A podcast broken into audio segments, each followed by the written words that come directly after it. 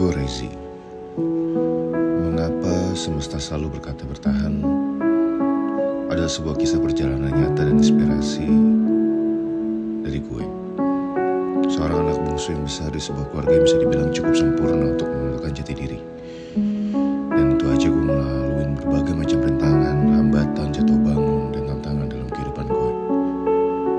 Semua ini dimulai dari latar belakang dan silsilah keluarga gue yang cukup detail dan complicated Gue coba untuk jelasin semuanya secara transparan tentang setiap kejadian dan momen-momen yang terjadi dalam hidup gue yang mungkin mempengaruhi setiap keputusan gue. Cerita ini cuma curahan hati. Siapa tahu jadi inspirasi buat kalian semua. Enjoy the podcast.